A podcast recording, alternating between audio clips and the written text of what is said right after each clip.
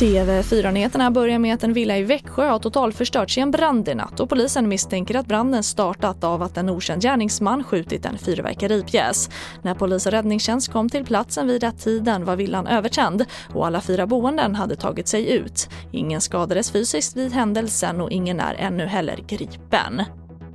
Och både personrån och misshandel har minskat i Sveriges tre största städer sedan alkoholförsäljning förbjöds efter klockan 22. Det visar siffror som nyheterna fått ta del av från polisen. Och rånen har nästan halverats jämfört med samma period i fjol. Det är bra för oss, för vi, eh, arbetsbelastningen eh, går ju ner för oss också. Det blir inte, inflödet blir ju inte så stort. Förhoppningsvis kan vi jobba jobba ikapp för de målsägandena som redan har drabbats att, vi kan, att de kan få upprättelse. Och det sa Ola Skogsberg, polis i Göteborg. Och idag tillsätter regeringen och samarbetspartierna en utredning om hur ett förstatligande av skolan kan gå till, det rapporterar DN. Utredningen ska gälla alla skolformer utom förskolan och komvux. Och framförallt är det Liberalerna som tryckt på och menar att staten bör ta över skolan eftersom de ekonomiska skillnaderna mellan kommunerna är för stora. TV4-nyheterna, jag heter Charlotte Hemgren.